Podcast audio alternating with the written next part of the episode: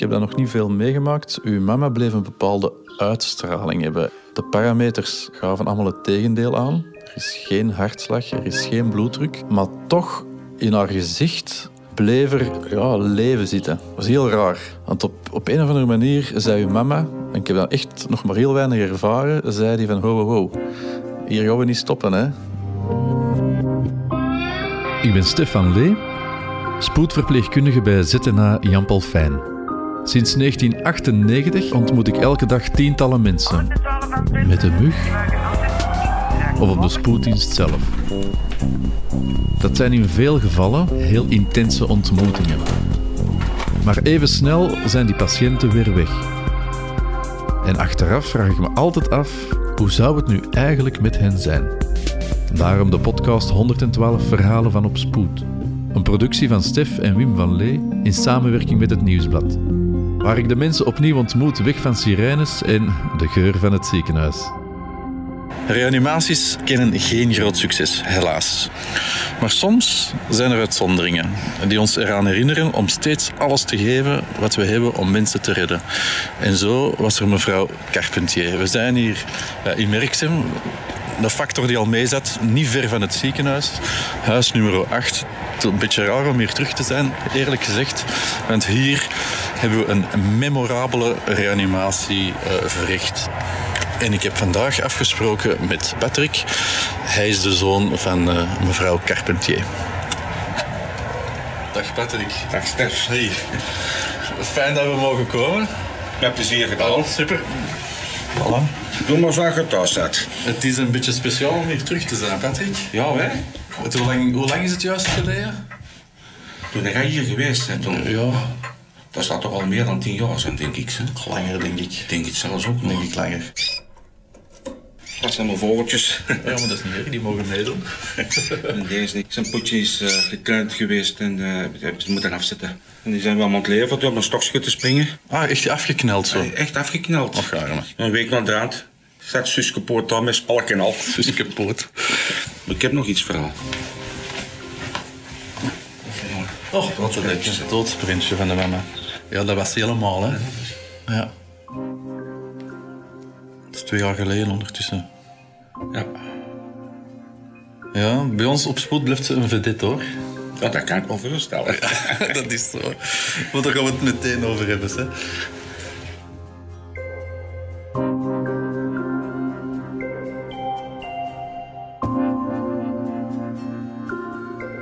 Voilà, Patrick. Uh, het doet me eigenlijk wel deugd om hier nog eens binnen te staan.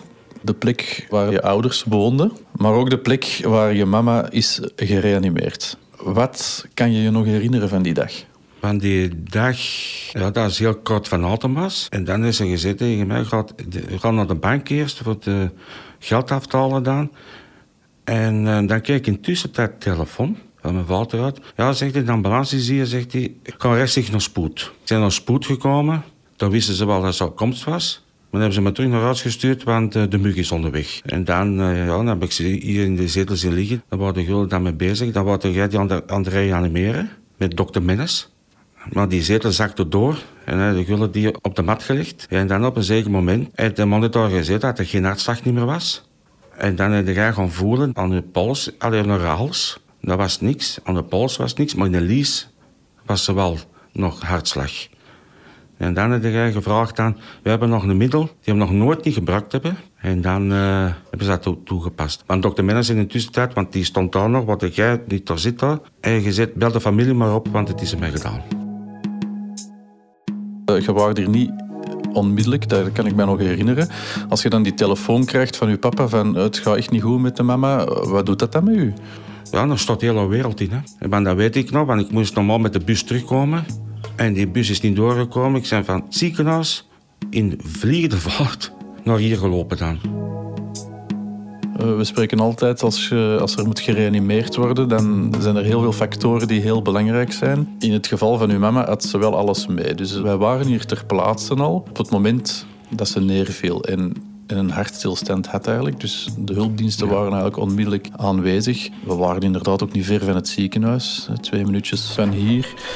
Je komt dan hier aangelopen. Wij zijn vol bezig. We hebben niet altijd meteen aandacht voor wat er rond ons gebeurt. Er wordt hartmassage gedaan, ze krijgt een shock. Er wordt gediscussieerd. Hoe beleeft je dat eigenlijk als, als zoon van? Ja, dat binnenkomt, ja. En je zit daar zien liggen en ze mee bezig zijn, ja, dat, dat doet echt vies. Echt vies. Want ik kan me nog herinneren, mijn vader die zat daar en ik zat daar. Ik zei tegen mijn vader, zei, ik word niet goed.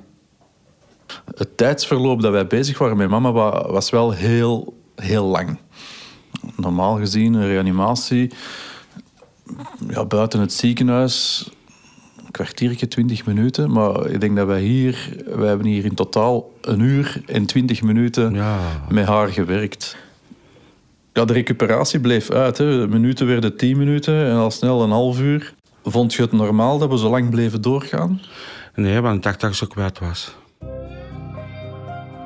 Maar ik had hoop, al een goede hoop in, in jullie, voor ze terug op de been te brengen. langdurige reanimaties, ja, die geven vaak hersenschade nadien. Is dat iets waar dat je op dat moment al mee bezig waart? Ja, dat vroeg, dat vroeg ik me eigenlijk toch heel goed af. Ik zei, hoe gaat ze hieruit komen nu? Had je dan op een bepaald moment zoiets van... eh mannetjes, stop er maar mee? Of, of had, je, had je die overweging nooit gemaakt? Nee. Eh, ik zag wel dat ze in goede handen was.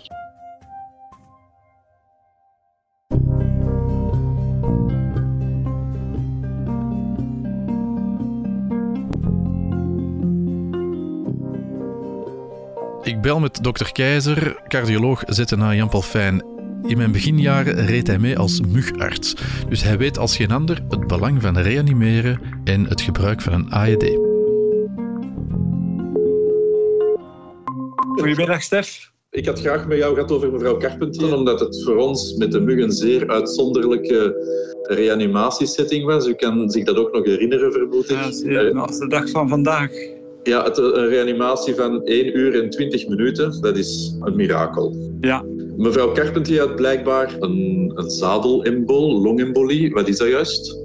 een, een, ehm, een longembolie is eigenlijk een, ehm, een klonter die van elders in het lichaam komt. eh, meestal uit ehm, de benen of de, het kleine bekken. En die losschiet en die dan in de, in de kleine bloedsomloop, in de longvaatbed vast komt te zitten. En die klonters kunnen zo groot zijn dat ze die kleine circulatie volledig obstrueren. Waardoor dat er geen zuurstofrijk bloed meer naar eh, de grote bloedsomloop komt. En dat die, mensen dus ja, vallen en uiteindelijk ook doodvallen. Dus een zadelembool wil eigenlijk zeggen dat die klonter precies zit op de splitsing tussen de linker en de rechter longslagader. En dat is natuurlijk de cruciale plaats. Als het daar dicht zit, ja, dan, dan, eh, dan zitten de twee longen volledig eh, zonder, zonder doorstroming.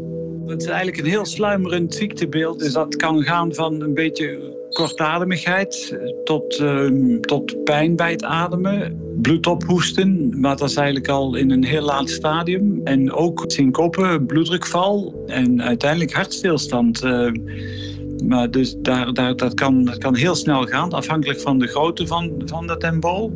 Kleine embooltjes kunnen bijna ongemerkt eh, verlopen. En grote embolen kunnen zo snel gaan dat je, dat je bijna direct in een reanimatiesetting eh, terechtkomt.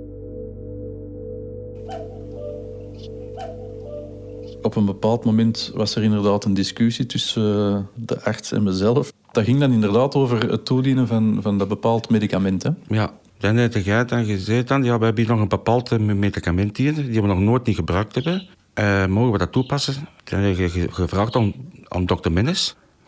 Eh, en dokter Mennis heeft heel even nagedacht aan. En dan heeft hij aan ons gevraagd aan. En we hebben dan recht gezet van ja, natuurlijk. Doe alles wat je kunt doen.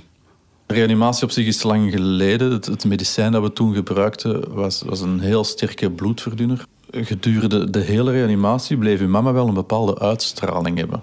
Iets dat ik nog, nog geen tweede keer heb meegemaakt eigenlijk.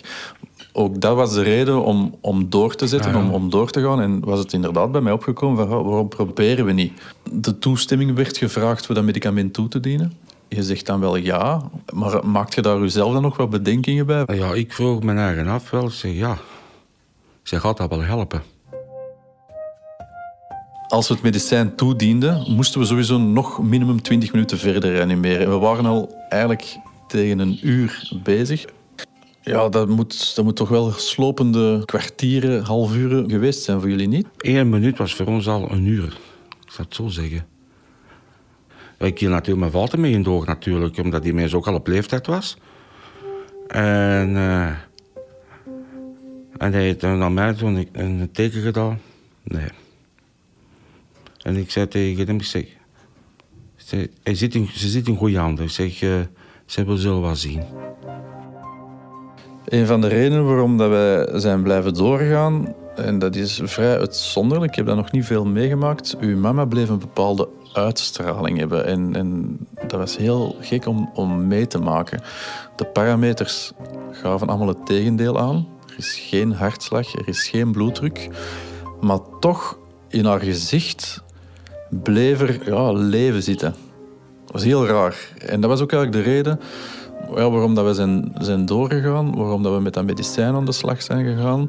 Want op, op een of andere manier zei uw mama, en ik heb dat echt nog maar heel weinig ervaren, zei die van ho, ho, hier gaan we niet stoppen, hè.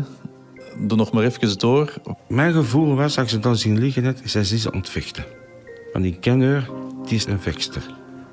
Dat, dat, dat weet ik. Die is een, een, een doordraver, ik zal het zo zeggen.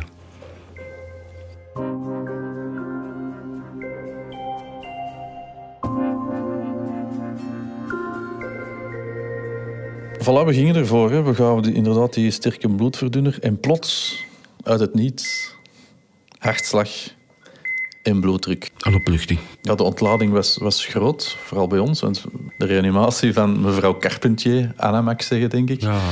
Uh, ja, is memorabel. Ik heb in 23 jaar dat nog geen tweede keer meegemaakt. Oké, okay, bloeddruk en, en, en polsslag. Maar ik vermoed niet dat de zorgen daarmee over waren bij jullie. Nee. Uh, onze vraag was nu, ja, we hebben, ze is wel terug bij ons, maar hoe gaat de volgende termijn allemaal zijn? Hoe zal ze in het ziekenhuis geraken? Uh, zal ze weer niet terug invallen? Uh, dat was onze vraag natuurlijk altijd. Hè? Zeer spannend voor de familie. Nu, voor ons, blijf het zeggen, het was een mirakelreanimatie. Ja, niet alleen de, door, door het langdurig blijven reanimeren en uiteindelijk outcome hebben. Alles speelde zich af in de voormiddag. S'avonds was zij al wakker op intensieve zorgen? Ja, wij, wij gingen op bezoek en uh, ja, dan moesten we even wachten in de wachtkamer daar dan op de intensieve, dat we binnen mochten komen dan. En het eerste we vroegen aan de verpleging, of wie het ook was, dat, oh, wie is met mevrouw Carpentje? Ga maar gewoon zien, zei ze. Ja, we deden de deur open en het eerste dat ze deed was waaien. En het tweede dat ze vroeg, was hij met tanden. Heel belangrijk, ja. tanden.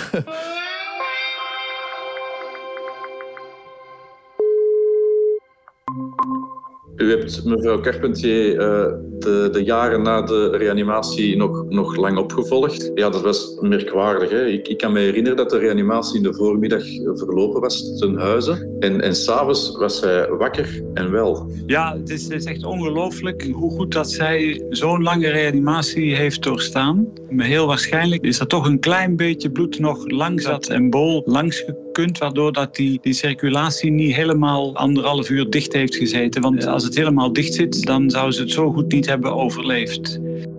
Want het klopt, als, als het moest volledig dichtgezeten hebben, dan, dan kom je er ook niet met hartmassage. Want nee, precies, want dan, dan, komt er, dan komt er niet zo. Dan kun je, kun je masseren wat je wil, maar er, er komt geen bloed aan in je linkervoorkamer. En dan kun je masseren wat je wil, maar dan, dan pomp je niks uit uit je, uit uw linkerkamer.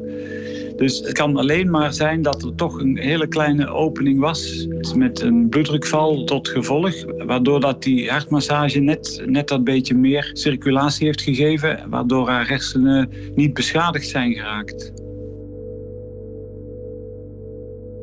een uur en twintig minuten gereanimeerd worden, dus een uur en twintig minuten van de wereld zijn en dan s'avonds eigenlijk al, ja, zoals ze was, ja ja, wakker zijn, alles kunnen vertellen. Ik weet nog wel dat ze een, een volledige blauwe borstkas had, want door de langdurige reanimatie waren er wel wat ribben gebroken. Ja, dat wou ik juist zeggen. En door de sterke bloedverdunner, daar heeft ze misschien nog meer last van gehad dan de reanimatie zelf.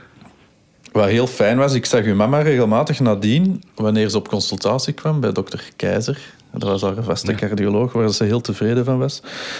Ja, en dat deed me eigenlijk wel, wel deugd. Wist je dat ze dat deed? Ja, ja, ja. Ze zei, ik vertel me ook naar dokter Keizer, zei ze. Maar daar gaat er niet bij blijven, zei ze. Bedoelde jij daarmee? Ja, want dokter Keizer gaat nog de Stef bellen voor tonen dat dat wel aanwezig is. En dat moet ik rennen, zei ze. Ja, het was altijd heel, heel leuk om, om, haar, om haar terug te zien. Hè. En, en ze was ook altijd zeer geïnteresseerd hoe dat met mij ging. Ja, zelfs in die mate dat ze mijn kinderen heeft weten geboren worden. En ze, ja, ze heeft dat altijd goed onthouden, want de volgende consultatie kwam ze altijd met een cadeautje ja. voor dan uh, aan de te geven. Dus dat was eigenlijk wel heel, heel tof. Hoe was haar leven na de reanimatie eigenlijk? Stond, stond ze daarbij stil van? Goh. Ja, ze stond erbij stil, want hoe dikwijls ze uw naam vernoemd dit. Toen. Ze zei, die stift, is toch een krakker, zei ze.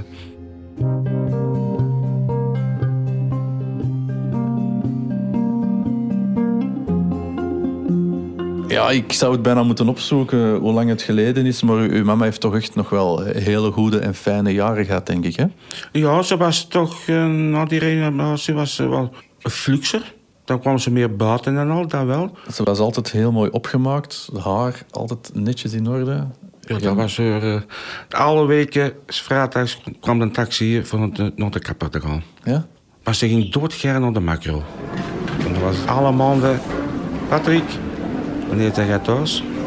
Ja, tegen dag. Taxi bestellen, gewoon naar de macro. en we waren weg ook. dat was uh, hun dingen allemaal dan. Ja, ik zie op het doodprintje dat ze uiteindelijk is, is ze 85 geworden. Ja. En ik denk dat de reanimatie zeker ja, 17 of 18 jaar geleden is. Dus ik denk dat ze misschien net 70 was toen, toen het noodlot haar trof. Dus uiteindelijk heeft hij nog 15 jaar post-reanimatie het nog goed gehad. Mede dankzij de macro. Ja, en dankzij dokter de Keizer.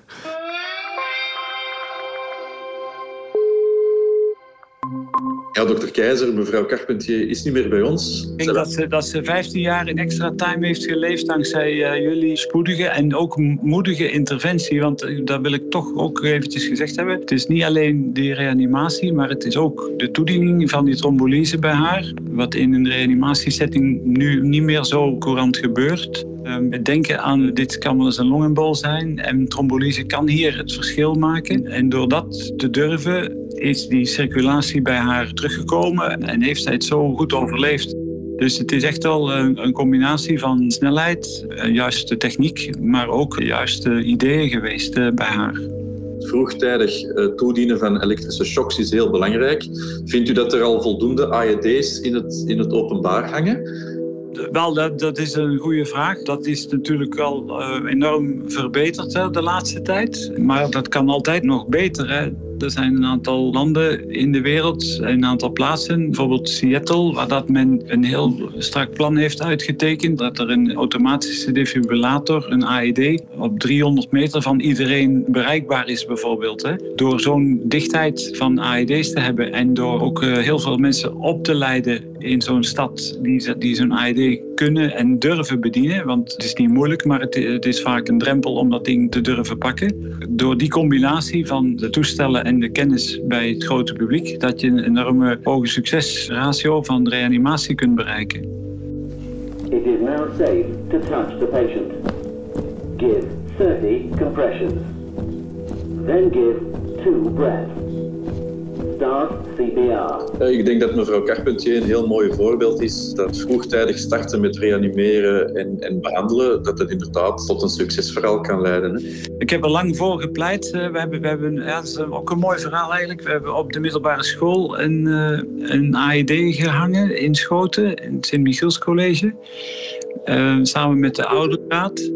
En ehm, we hebben dan ook reanimatielessen gegeven aan de, de hoogste graad. En binnen de twee jaar kregen wij een mailtje een vader die gereanimeerd was door zijn eigen dochter terwijl hij was gaan joggen op een, uh, op een looppiste. Uh, hij had een infarct gekregen, hij had ventrikelfibrillatie gekregen en hij was neergevallen. En dat meisje had dus die reanimatielessen bij ons op school gevolgd. Zij is begonnen met haar papa te reanimeren. De omstanders hebben de mug gebeld, die hebben dat overgenomen. En die, die papa heeft geen enkele hersenbeschadiging eraan overgehouden en die heeft dat perfect overleefd.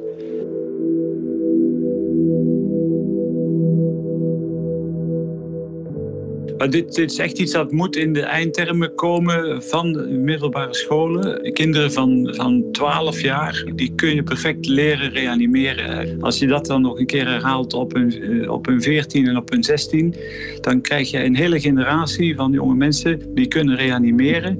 En binnen no time heb je een bevolking die om kan gaan met AED's en die BLS kan starten. En dan is het natuurlijk aan ons om dat voor te zetten en dat over te nemen. Maar die eerste minuten zijn zo cruciaal.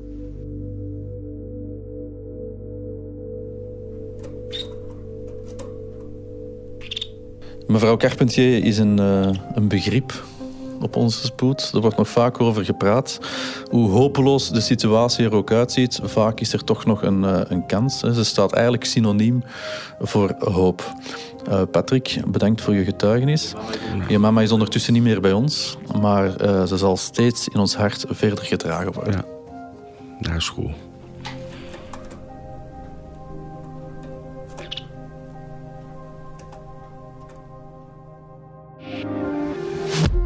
Geïntrigeerd door deze verhalen? Weet dan dat ik ook een boek schreef, 112 verhalen met, over en op spoed. Uitgegeven bij Uitgeverij Vrijdag en nu beschikbaar in de boekhandel. Dit was de podcast 112 verhalen van Op Spoed. Ik bedank Patrick voor het fijne gesprek. Dank ook aan de expert voor de extra inzichten. Muziek en montage gebeurde door mijn broer Wim van Lee. Voor de productie werkten we samen met de podcastredactie van het Nieuwsblad.